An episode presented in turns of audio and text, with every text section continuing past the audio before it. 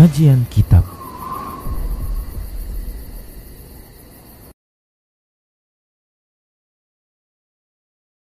Assalamualaikum warahmatullahi wabarakatuh Innal hamdalillah nahmaduhu wa nasta'inuhu wa nastaghfiruh wa na'udzu billahi min shururi anfusina wa sayyiati a'malina man yahdihillahu fahuwal muhtadi ومن يضلل فلن تجد له وليا مرشدا. أشهد أن لا إله إلا الله وحده لا شريك له وأشهد أن محمدا عبده ورسوله الذي لا نبي بعده. وقال الله سبحانه وتعالى يا أيها الذين آمنوا اتقوا الله حق تقاته ولا تموتن إلا وأنتم مسلمون.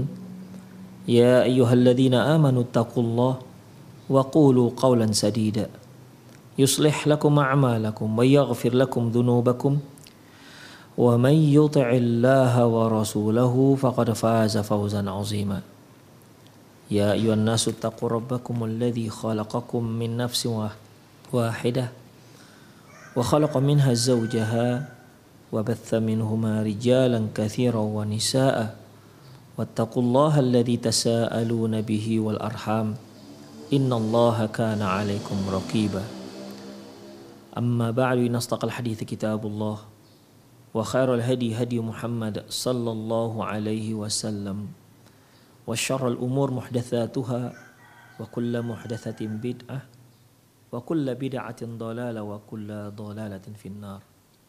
Kaum muslimin dan kaum muslimat para pemirsa Alhamdulillah kembali di pagi hari ini kita bertemu melanjutkan kajian kita tentang perjalanan setelah kematian. Di kajian lalu kita telah bahas tentang sekarat, sakratul maut. Di mana sakratul maut itu dirasakan oleh semua orang. Baik dia seorang yang mukmin, seorang yang soleh, yang muttaqin, yang bertakwa, maupun juga orang-orang yang kafir, yang fajir, yang durjana. Hanya saja tentunya ikhwah beda yang dirasakan. Orang-orang mukmin akan merasakan lebih ringan sakaratnya ketimbang orang-orang fajir dan orang-orang kafir.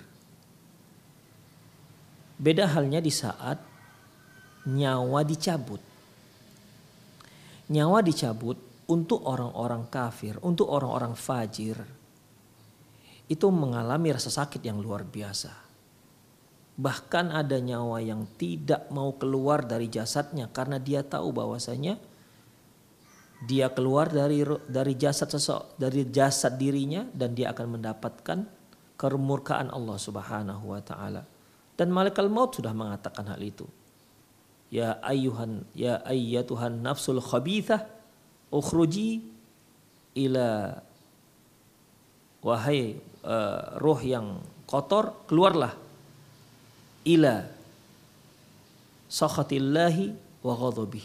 Keluarlah kamu untuk mendapatkan kemurkaan dan kemarahan Allah Subhanahu wa taala.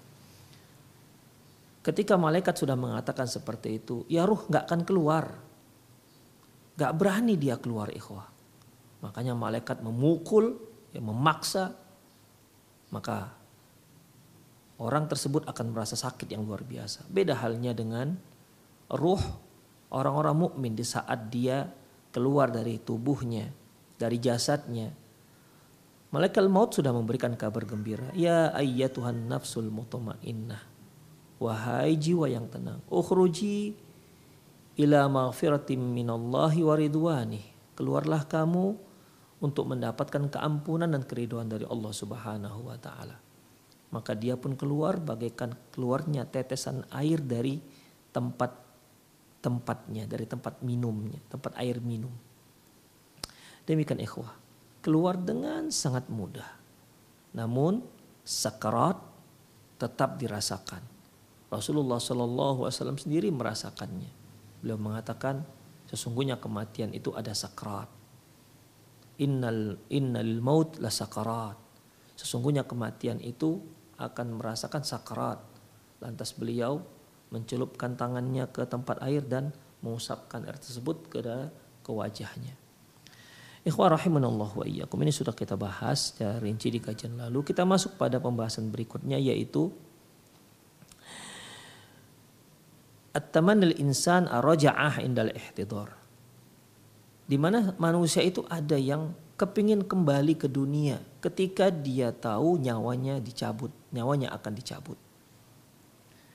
Ikhwah rahimani Allah wa iyyakum sebagaimana yang sudah kita bahas di kajian-kajian lalu bahwasanya Allah dengan tegas mengatakan idza jaa ajaluhum fala yastakhiruna sa'atan wa la yastaqdimun kalau sudah ditentukan datang ajalnya fala yastakhiruna sa'ah. Maka tidak akan ada penundaan walaupun sesaat.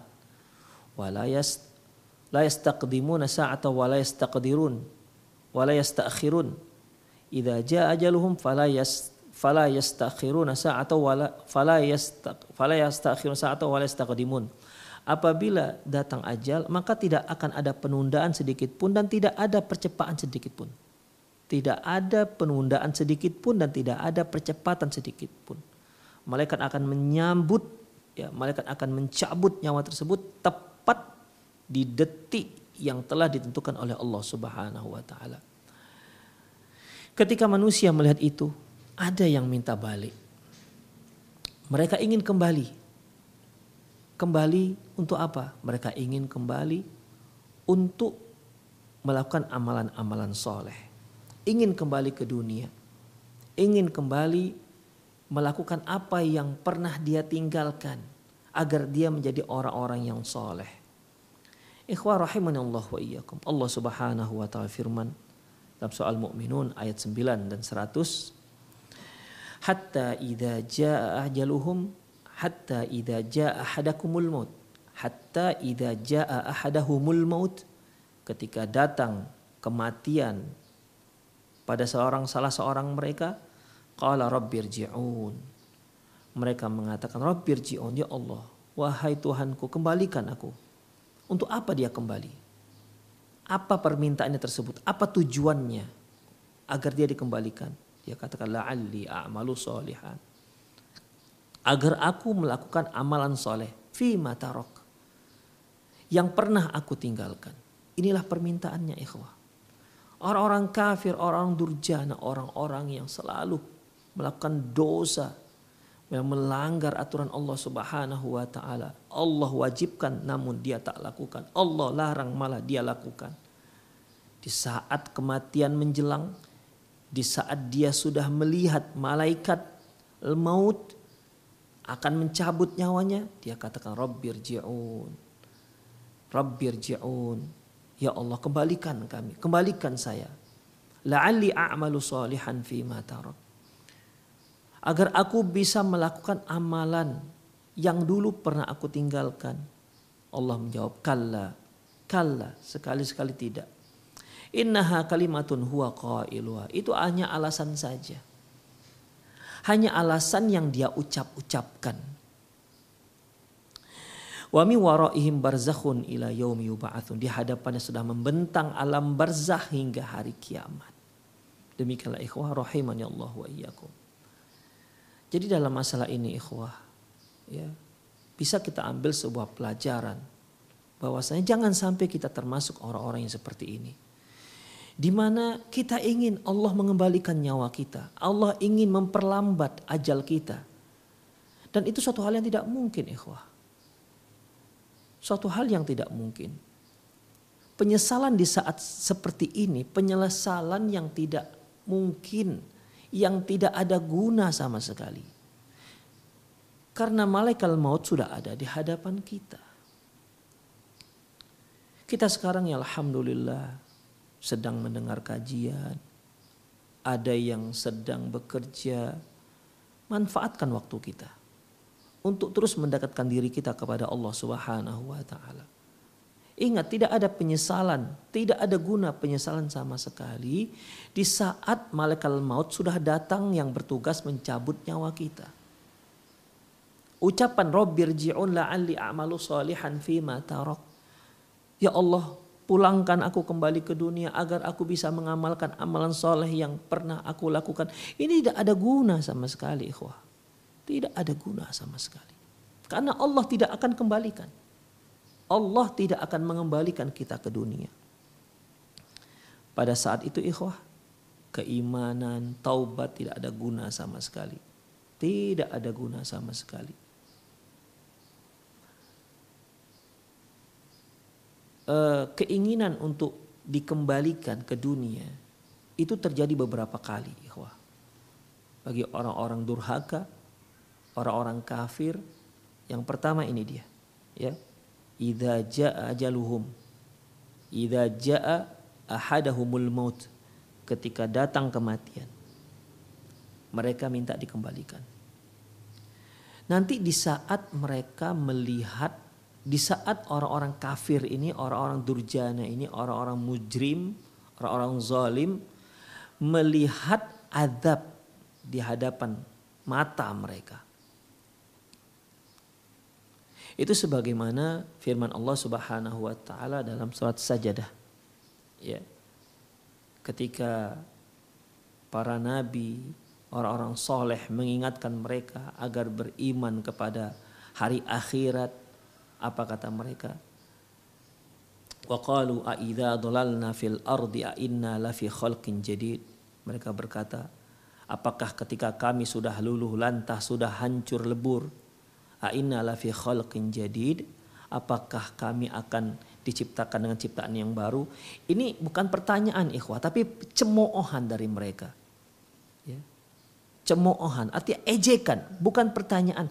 Orang apabila tidak tahu, dia bertanya, kita beritahu, maka itu akan bermanfaat bagi dia. Tapi kalau pertanyaan, pertanyaan cemoohan, pertanyaan istihza, ini bisa membuat dia menjadi kufur. Aida dolalna fil ardi ainna lafi khalqin jadid.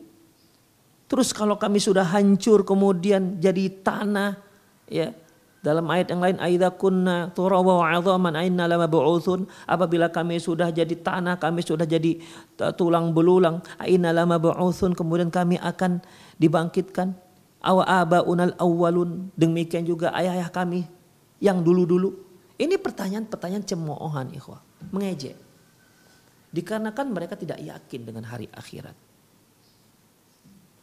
kemudian ikhwah rahimanallahu wa iyyakum balhum biliqa'i rabbihim kafirun. Bahkan mereka ingkar terhadap pertemuannya dengan Allah Subhanahu wa taala.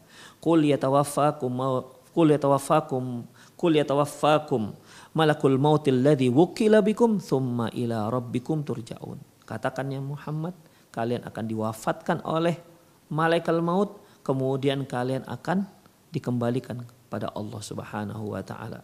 Nah, di sini walau taro idil mujrimuna nakisuru usihim inda rabbim. Ini nanti di hari akhirat. Ya. Kalau yang tadi yang kita baca surat Mukminun ayat 99 mereka minta kembali ke dunia dikembalikan nyawanya atau diperpanjang usianya ketika kematian menjelang. Ini di saat mereka melihat azab Allah di hadapan Allah. Walau taro idil mujrimuna nakisu ru'usihim inda rabbihim. Kalau kalian lihat bagaimana orang-orang mujrim, orang-orang durhaka ketika mereka berada di hadapan Allah Subhanahu wa taala dengan kepala yang tertunduk-tunduk, hina ikhwah, hina. Nakisu ru'usihim inda rabbihim di hadapan Allah. Apa katanya? Rabbana absorna wa sami'na farji'na na'mal salihan. Ya Allah, kami sudah dengar, kami sudah melihat. Jadi farji'na na'mal salihan. Maka kembalikan kami untuk beramal soleh. Inna muqinun, kami yakin, kami sudah yakin. Gak ada guna sama sekali. Minta dikembalikan ke dunia. Setelah hari berbangkit, La ilaha illallah. Tidak ada guna sama sekali. Itu yang kedua, yaitu di saat mereka sudah dihadapkan dengan Allah. Di saat adab neraka jahanam sedang mengancam mereka, kembali mereka minta untuk dikembalikan di dunia. Allah Subhanahu wa taala firman dalam surat Syura ayat 44. Wa tarad zalimina lamma ra'au al-'adzab yaquluna hal ila maraddim min sabil. Ketika orang-orang zalim melihat adab di depan kepala mereka, mereka berkata, apakah ada tempat untuk kembali, maksudnya kembali ke dunia? Ya tidak ada lagi, ikhwah. Ya, nggak ada lagi. Itu di saat di hadapan Allah, di saat di hadapannya adab yang akan mereka derita, yang akan mereka terima. Kemudian demikian juga terjadi di saat mereka masuk ke dalam, sudah dimasukkan ke dalam neraka. Ya, sudah dimasukkan ke dalam neraka. Ikhwah rahimani Allah wa iyyakum. Dalam surat Fatir ayat 27 Allah Subhanahu wa taala firman, "Wa hum yastarikhuna fiha rabbana akhrijana na'mal salihan na'mal salihan ghairal ladzi kunna na'mal. Ketika mereka berada dalam neraka jahanam, mereka katakan, mereka teriak, Rabbana ya Allah akhrijna na'mal salihan. Keluarkanlah kami dari neraka ini agar kami bisa beramal soleh. Khairal ladzi kunna na'mal yang yang belum yang dulu kami tidak mengamalkannya. Gak ada guna sama sekali ikhwah. Ya.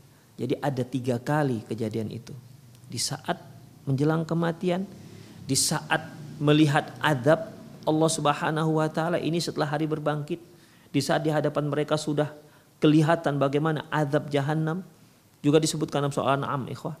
Dalam surat Al-An'am ayat 27 dan 28 walau taro idh wuqifu 'alan nari qalu ya laitana nuraddu wa la nukadzibu bi ayati rabbina wa nakuna minal mu'minin. Ketika mereka sudah berdiri di atas neraka, di hadapan mereka neraka. Mereka berkata, Wahai seandainya kami dikembalikan ke dunia dan kemudian kami tidak akan mendustakan ayat-ayat Allah, ayat-ayat Engkau ya Allah dan kami akan termasuk orang-orang mukmin. Bal badalahu maka yukhfuna min qabl. Sungguh pada waktu itu telah dinampakkan apa yang dahulu mereka tidak ketahui, apa yang dahulu mereka sembunyikan. Walau ruddu la'adu limanuhu anhu. Kata Allah, seandainya mereka dikembalikan. Ini orang-orang durjana ini, orang-orang kafir ini.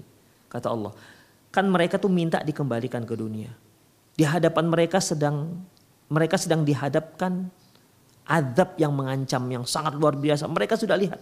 Idzukifu 'alan nar. Mereka berdiri sudah di hadapan neraka. Di atas neraka. Jadi mereka sudah berada di di tebing neraka itu. Ya laitana nuraddu wala nukadzibu bi ayati rabbina.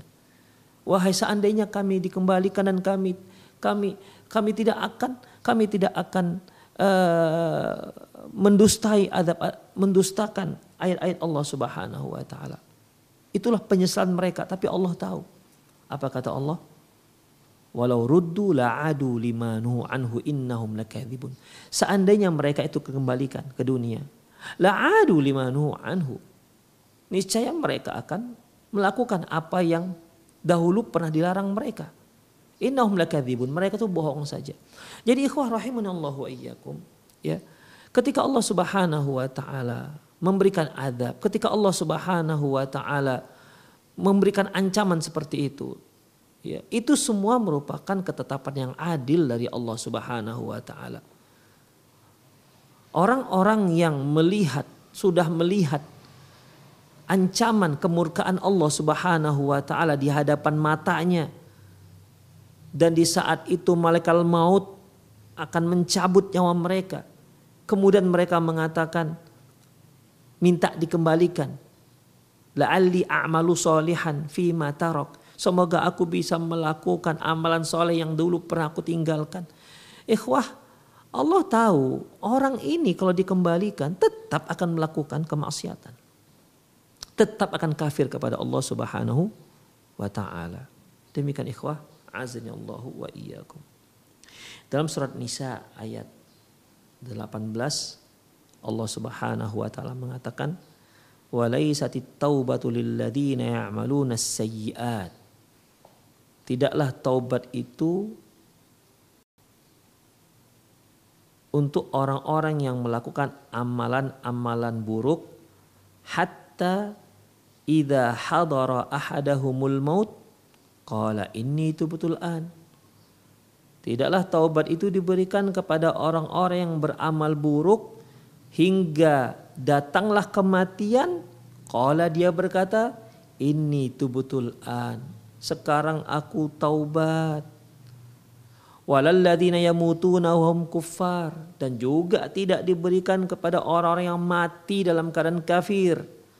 Ulaika atadna lahum adzaban alima Sesungguhnya untuk mereka inilah disiapkan adab yang sangat pedih.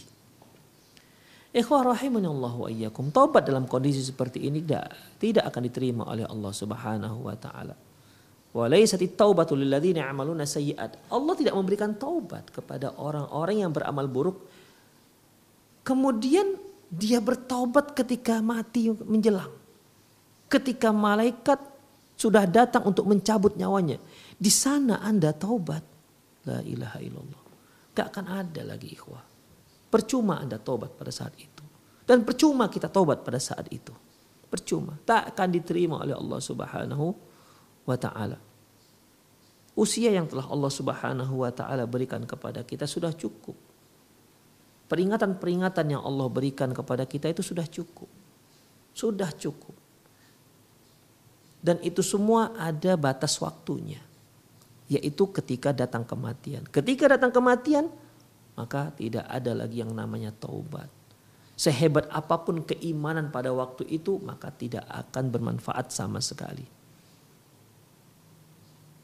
Para pemirsa Roja TV dan pendengar radio Roja di mana pun Anda berada, mari kita ikhwah, mumpung Allah Subhanahu wa Ta'ala belum mencabut nyawa kita. Dan kita juga tidak tahu kapan nyawa kita itu akan dicabut oleh Allah Subhanahu wa taala. Jangan sampai penyesalan seperti ini. Tidak ada guna penyesalan seperti ini. Tidak ada guna taubat seperti ini. Allah Subhanahu wa taala masih memberi kita kesempatan. Yang mendengar kajian ini berarti masih diberi oleh Allah Subhanahu wa taala kesempatan. Kesempatan manfaatkan kesempatan tersebut. Renungkanlah kajian kita ini Mungkin kita ada melakukan kemaksiatan, dosa-dosa besar. Yang kita tahu itu merupakan dosa yang diancam Allah Subhanahu wa taala dengan siksa yang luar biasa. Maka bertaubatlah ikhwah. Bertaubatlah. Jangan sampai taubat itu muncul, penyesalan itu muncul di saat malaikat maut sudah berada di hadapan kita. Rasulullah Shallallahu Alaihi Wasallam pernah bersabda, Inna Allah yaqbalu taubatal abdi malam yughargir. Sesungguhnya Allah Subhanahu wa taala menerima taubat seorang hamba malam yughargir selama nyawanya tidak sampai ke tenggorokan. Selama nyawanya belum sampai ke tenggorokan. Syekh Abdul Aziz bin Bas rahimahullah mentafsirkan malam yughorgir yaitu enda khurujiha yaitu ketika uh, kematian ketika nyawa dicabut dan wa'ayanal malak dan dia melihat malaikat. Kalau sudah seperti ini maka tidak ada lagi taubat. Tidak berguna lagi taubat.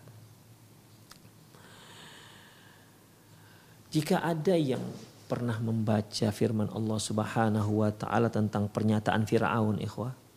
Qala Firaun ketika Allah menenggelamkan Firaun bersama bala tentaranya Firaun mengatakan Qala Fir'aun amantu annahu la ilaha illa ladhi amanat bihi banu Israel.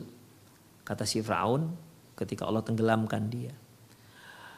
Aku beriman tiada ilah yang berhak disembah selain Tuhan yang diimani oleh Banu Israel.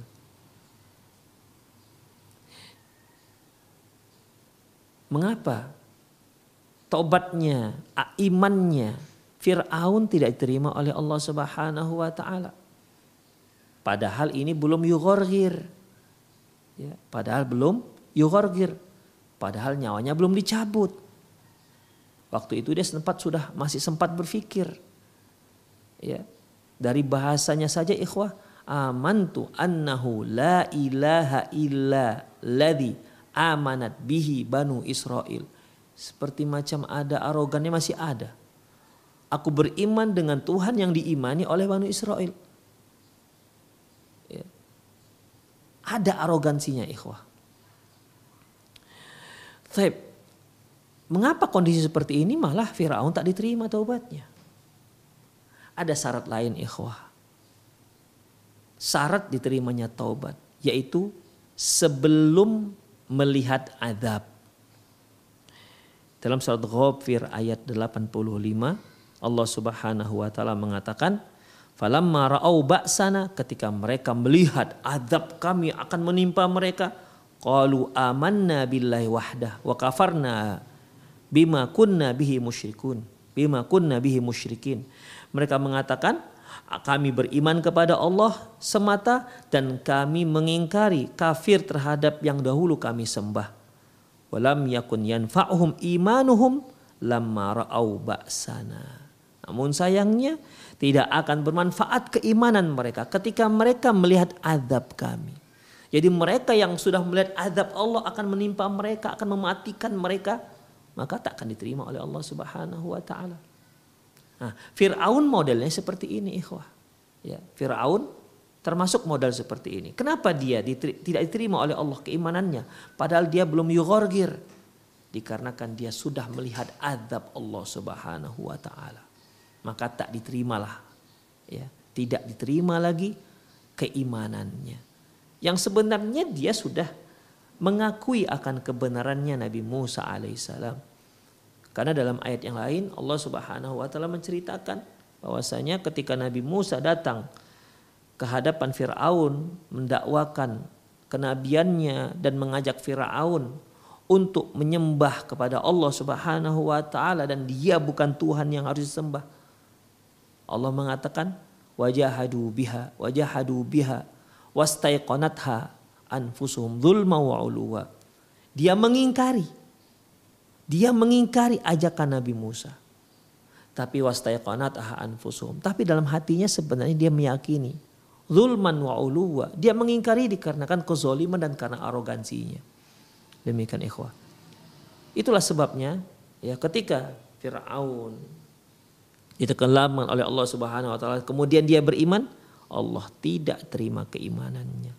Demikian ikhwah rahimani Allahu wa iyyakum. Jadi oleh karena itu ya uh, ada orang-orang yang orang-orang yang kepingin kembali ke dunianya, kepingin kembali ke dunianya. Di saat-saat seperti ini dan ini tidak ada manfaat sama sekali. Orang-orang kafir, orang-orang pendosa, orang durjana di saat menjelang kematian dia mohon kepada Allah, mohon dengan semohon-mohonnya agar usianya dipanjangkan, diberi kesempatan untuk beramal soleh. La'ali amalu solehan fima tarok kata mereka. Agar kami bisa, agar aku bisa melakukan amalan soleh yang pernah kami tinggalkan. Kala kata Allah nggak ada. Tidak ada lagi cerita. Sudah tertutup pintu taubat. Ikhwah rahimani Allah wa iyyakum. Janganlah sampai kita termasuk orang-orang seperti ini. Di sini saya ulangi kembali, ulangi dan ulangi lagi. Marilah kita taubat. Marilah kita tinggalkan semua dosa-dosa kita. Ikhwah dunia ini hanya sementara, hanya sementara. Alam yang ada di hadapan kita itu jauh lebih lama, jauh lebih dahsyat jauh lebih mengerikan. Itu tergantung bagaimana kita memanfaatkan kehidupan kita sebelum kita meninggal dunia. Kalau kita berupaya dengan sebaik mungkin, kalau kita berupaya memanfaatkan waktu kita untuk pendekatan kepada Allah Subhanahu wa taala, Allah akan ampuni kita. Allah akan siapkan untuk kita surga Jannatun Naim. Memang, memang Surga itu tidak bisa didapati dengan amalan kita. Betul. Ya, betul. Surga tidak bisa kita dapati dengan amalan kita. Karena kalau kita bandingkan nilai amalan kita dengan surga, itu terlalu tinggi surga. Harga surga itu tidak bisa kita tebus dengan amalan kita. Sehebat apa pun amalan kita, tidak bisa menebus kita tebus dengan amalan kita ini kita anggap sebagai karcis untuk masuk ke dalam surga. Gak akan bisa. Terlalu murah jika dibandingkan mahalnya luar biasa itu surga. Tapi ikhwah, kita punya Allah Subhanahu wa taala. Yang kata Allah, "Wa rahmati wasi'at kulla syai." Rahmatku mencakup segala sesuatu. Kita berharap dengan mohon kepada Allah, bersimpuh kepada Allah, mohon ampun kepada Allah. Kita berharap Allah kasihan dengan kita. Allah turunkan rahmatnya untuk kita. Kasihan ya Allah melihat kita kasihan karena kita selalu menangis, menangis, meminta ampunan dosa kita kepada Allah Subhanahu wa taala. Inilah yang kita harapkan. Ya. Oleh karena itu, para ulama kita mengatakan la minal ma'ruf. Jangan kamu anggap sepele dengan perbuatan baik walau sekecil apa pun. Karena kita tidak tahu mana perbuatan baik kita itu yang akan memasukkan kita ke surga. Kita tidak tahu. Terkadang amalan besar karena dilakukan dengan niat yang gak tulus dia menjadi kecil. Dan bisa saja amalan kecil tapi dilakukan dengan tulus ikhlas dia menjadi besar bahkan bisa menyebabkan masuknya dia ke dalam surganya Allah Subhanahu wa taala. Allah kasihan dengan orang seperti ini ikhwah. Jadi kita berharap rahmat Allah Subhanahu wa taala. Jangan sampai kita termasuk orang-orang yang memohon kepada Allah untuk dikembalikan ke dunia, untuk diperpanjang usianya dengan alasan agar bisa melakukan amalan soleh. Sekarang saatnya ikhwah, sekarang saatnya. Jangan tunggukan nanti, jangan tunggu nanti nanti. Sekarang saatnya kita beramal soleh. Kemudian ikhwah rahimani Allah wa iyyakum. Farhul mu'min bilika rabbih. Orang-orang mukmin akan sangat gembira bertemu dengan Allah Subhanahu wa taala. Gimana tidak gembira ikhwah? Ketika malaikat maut sudah datang, dia mengatakan, "Ya ayyuhat ya ayyatuhan nafsul mutmainnah, ukhruji ila maghfiratin minallah wa ridwani." Wahai jiwa yang tenang, keluarlah, keluarlah untuk mendapatkan keampunan dari Allah dan untuk mendapatkan keriduan dari Allah Subhanahu wa taala. Disebutkan keampunan mengapa? Karena memang pasti ada dosa, ikhwah. Ya, pasti ada dosa. Tidak ada manusia yang ketika dia meninggal tak berdosa. Dan itu Rasulullah yang mengatakan, "Kullu bani Adam khata'un wa khata'in at-tawwabun." Semua anak Adam itu tersalah, bersalah. Dan sebaik-baik orang bersalah adalah orang yang bertobat. Kalau sudah kalimat salah dikaitkan bertobat berarti salah yang dimaksud adalah dosa. Karena tidak semua kesalahan itu dosa ikhwah. Ya. Kita salah ambil sendal, kita kira sendal kita rupanya sendal orang. Kalau kita kembalikan ya nggak dosa karena kita salah. Salah di sini tak sengaja. Ya. Kemudian ikhwah salah di sini dikaitkan dengan taubat. Berarti maksudnya adalah semua anak Adam itu berdosa dan sebaik-baik orang berdosa adalah yang bertaubat.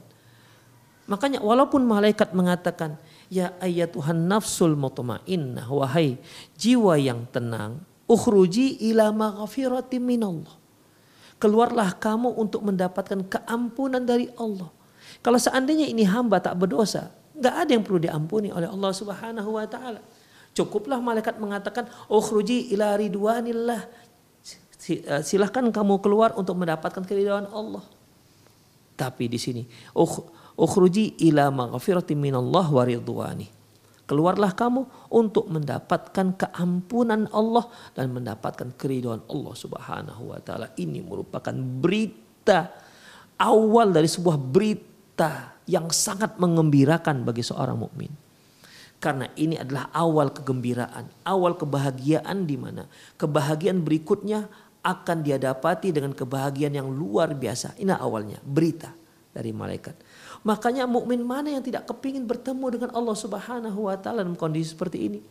Dia sudah tahu bahwasanya Allah akan mengampuni dia. Dia sudah tahu bahwasanya Allah telah memberi ridho pada dia. Kepingin ketemu Allah Subhanahu wa taala. Beda halnya dengan orang kafir. Beda halnya dengan orang kafir. Orang kafir itu ketika di, mau dicabut nyawanya, ya ayat Tuhan nafsul khabitha, eh jiwa yang kotor, ukhruji ila ila sakatillah. Wa ghadabi keluarlah kamu untuk mendapatkan kemurkaan dan kemarahan Allah.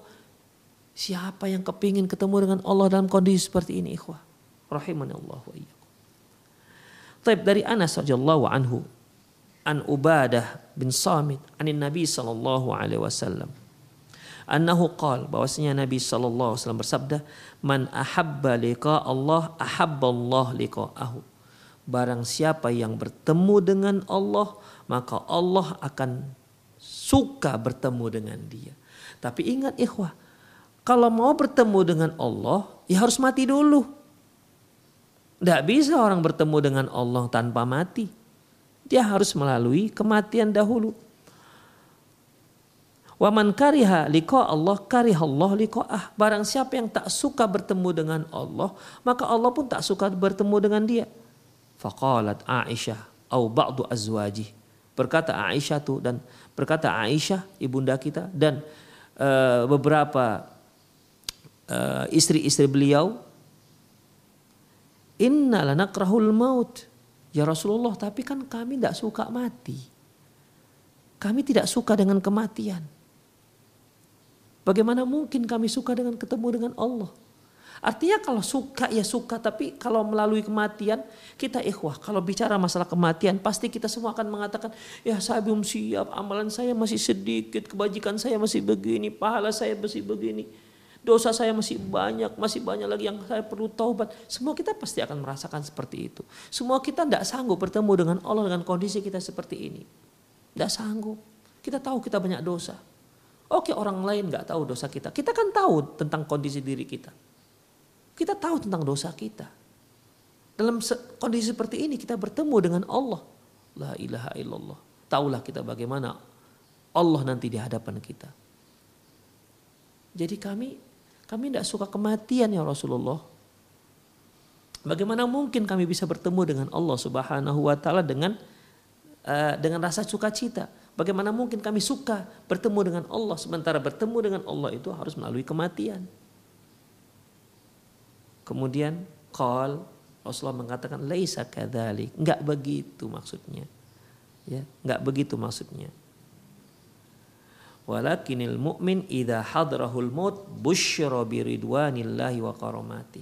Tetapi seorang mukmin apabila nyawanya akan dicabut ya maka dia akan diberi kabar gembira bahwasanya dia akan mendapatkan keridoan Allah dan akan mendapatkan kemuliaan Allah kemuliaan dari Allah Subhanahu wa taala. Syai'un ahabbu ilaihi mimma amamah. Dan tidak ada satupun perkara yang paling dia sukai kecuali yang di hadapannya sudah. Karena dia sudah tahu bahwasanya dia mendapatkan keampunan dari Allah. Ya otomatis ke depannya akan semakin baik. Makanya dia kepingin ketemu dengan Allah. Dia kepingin cepat masuk ke kuburannya. Dia kepingin melihat melihat surganya Allah Subhanahu wa taala. Dan tidak ada satu perkara yang paling dia suka kecuali yang ada di hadapannya. Fa ahabba liqa Allah wa ahabba Allah liqa'ahu. Sehingga dia sangat sayang, sangat cinta, kepingin sekali ketemu dengan Allah Subhanahu wa taala. Dalam kondisi seperti ini dalam dalam kondisi seperti ini Allah pun cinta dan suka bertemu dengan dia karena dia adalah orang yang diridhoi oleh Allah Subhanahu wa taala. Orang yang sudah membawa kemuliaan dari Allah Subhanahu wa taala. Siapa yang gak kepingin ketemu dengan Allah ikhwah?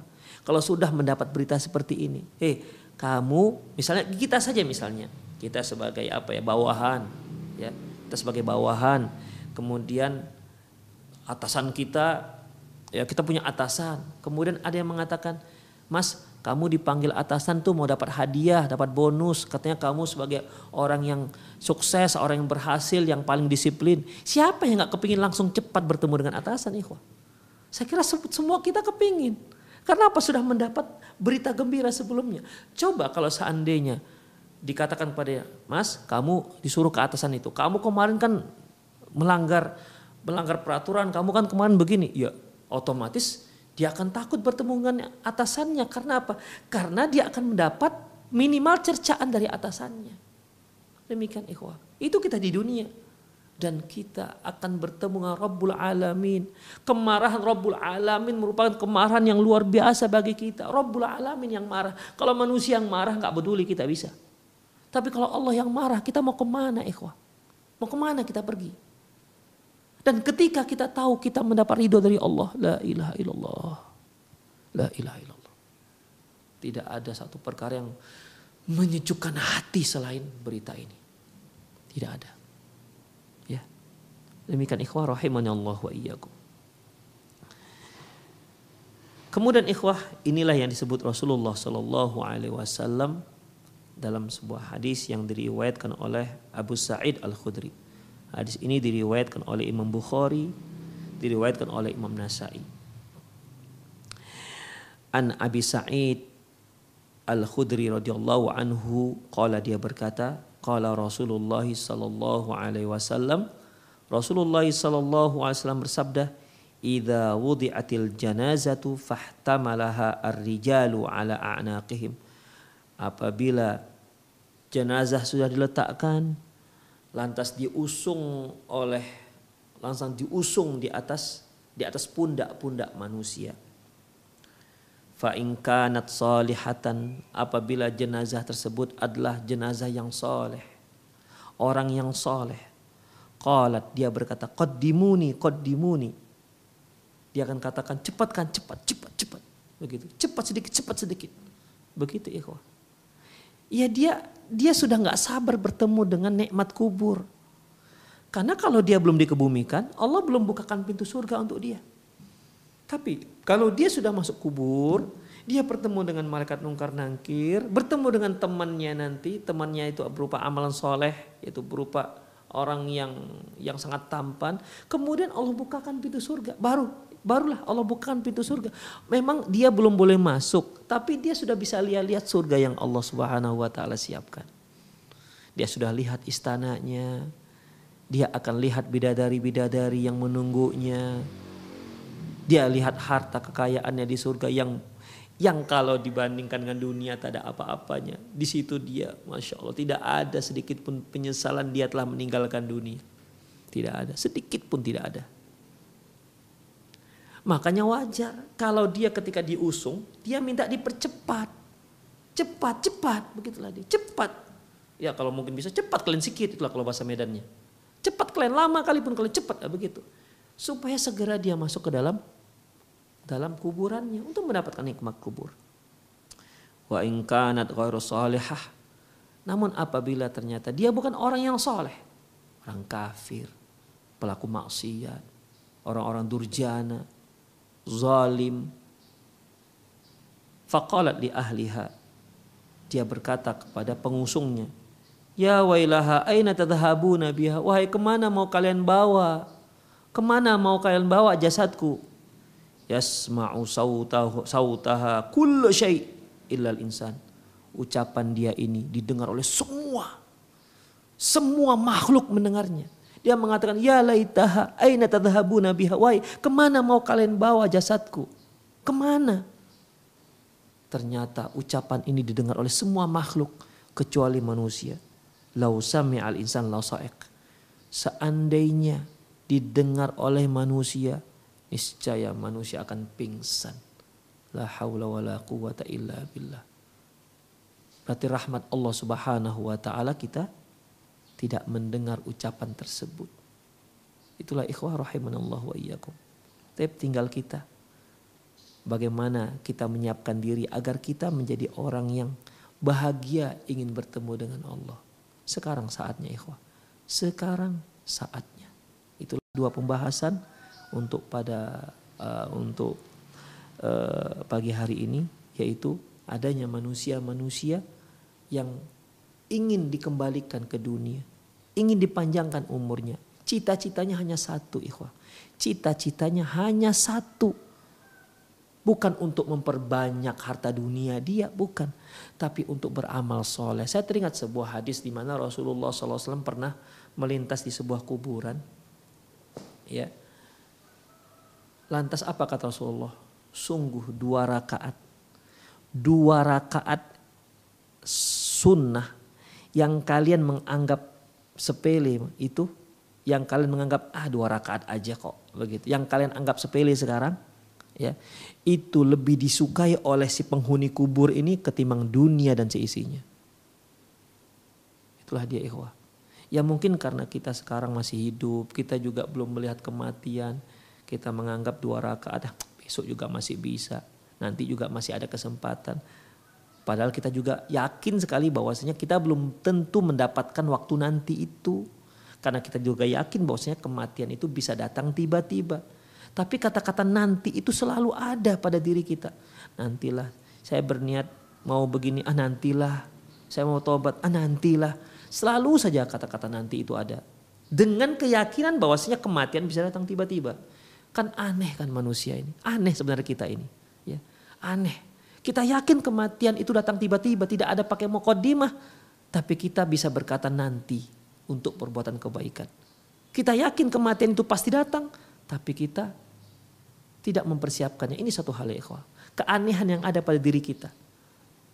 Ini saya bisa rasakan. Antum juga saya yakin, pemirsa juga bisa merasakan hal itu. Kembali ke dunia bukan satu hal yang diberikan tidak akan diberikan oleh Allah Subhanahu wa taala. Memperpanjang usia Allah nggak akan berikan. Sudah habis waktunya. Ya. Jadi tidak ada keinginan keinginan untuk kembali tidak akan mungkin diberikan oleh Allah Subhanahu wa taala. Kemudian orang-orang mukmin pasti akan bahagia bertemu dengan Allah Subhanahu wa taala. Kapan itu ikhwah? Di saat malaikat maut sudah memberi berita bahagia pada dia. Kamu akan mendapatkan keampunan dari Allah dan akan mendapat ridho dari Allah. Sejak saat itu manusia itu sangat rindu dengan Allah, kepingin cepat segera bertemu dengan Allah Subhanahu wa taala. Semoga Allah Subhanahu wa taala menjadikan kita termasuk orang yang seperti ini. Semoga saya, para permisa di mana pun ada berada, semoga kita semua masuk dalam mukmin seperti ini, yaitu yang mendapat berita baik dari Allah Subhanahu wa taala akan diampuni oleh Allah Subhanahu wa taala dan akan mendapat ridho Allah Subhanahu wa taala. Semoga Allah Subhanahu wa taala terus memberi kita taufik, terus memberi kita hidayah dan mematikan kita dalam keadaan beriman dan mendapatkan ridho serta keampunan dari Allah Subhanahu wa taala. Demikianlah aku lu qauli hadza wastaghfirullah li wa lakum wa muslimin innahu wal ghafur rahim. Baik, jazakumullah khairan. Ikhwah rahimani Allah wa iyyakum. Uh, ada takdir ada takdir yang memang sudah ditentukan Allah Subhanahu wa taala di Lauhul Mahfuz. Dan itu tidak bisa diubah. Ya, itu tidak bisa diubah. Dan ada takdir yang Allah Subhanahu wa taala rinci. Allah Subhanahu wa taala eh, Rasulullah sallallahu alaihi wasallam berfirman eh, sesungguhnya Sesungguhnya Allah menciptakan pertama sekali yang Allah ciptakan adalah al-qalam yaitu yaitu pena. Allah menyuruh kepada si pena uktub mahwa kain ila yaumil qiyamah. Tuliskan apa yang ada hingga hari kiamat. Dituliskanlah semua yang ada termasuk juga uh, termasuk juga uh, perbuatan-perbuatan manusia. Ya. Dan itu tidak akan bisa diubah. Kemudian ada takdir yang Allah Subhanahu wa taala tulis di saat manusia berada di dalam rahim ibunya. Sebagaimana sabda Rasulullah sallallahu alaihi wasallam, "Inna ahadakum yujma'u khalquhu fi batni ummihi fi fi batni ummihi arba'ina yauman nutfatan. Sesungguhnya ciptaan kalian itu ada di dalam rahim ibu kalian berupa sperma selama 40 hari. Summa yakunu alaqatan misla dhalik. Kemudian 40 hari kedua berupa segumpal darah. Thumma yakunu mudghatan misla dhalik. Kemudian di 40 hari ketiga itu berupa segumpal darah. Kemudian setelah itu fayursalu ilahil malak. Maka diutuslah malaikat dikirimlah malaikat ke rahim ibu kita. Kemudian ditiupkan roh lantas malaikat ini fayu'maru bi arba'i kalimat. Kemudian diperintahkanlah untuk menetapkan empat hal. Bikat rizkihi dituliskan rezekinya wa ajalihi kemudian ajalnya asakiyun amsaidun ikhwah rahimanallahu iyyakum itu ditulis di rahim ibunya. Ada juga takdir yang ditulis per tahun ya sebagaimana yang Allah Subhanahu wa taala sebutkan dalam surat Dukhan fiha yufraku kullu amrin hakim. Pada waktu itulah dituliskannya takdir. Jadi per tahunnya. Yang inilah ikhwah rahimani Allah wa iyyakum yang bisa ditulis, yang bisa dihapus dan bisa berubah. La yarudul qadar illa du'a.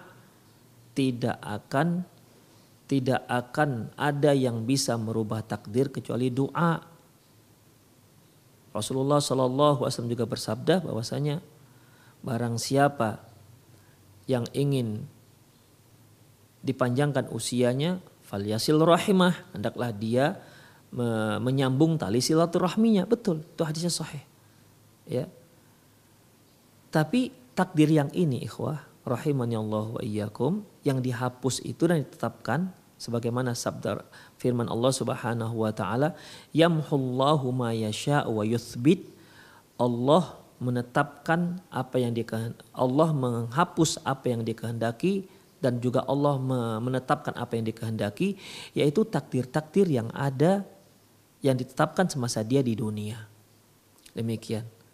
Itu satu. Yang kedua ikhwah rahimanallahu wa iyyakum Allah Subhanahu wa taala juga sudah menetapkan bahwasanya bahwasanya orang ini punya usia misalnya 30 tahun.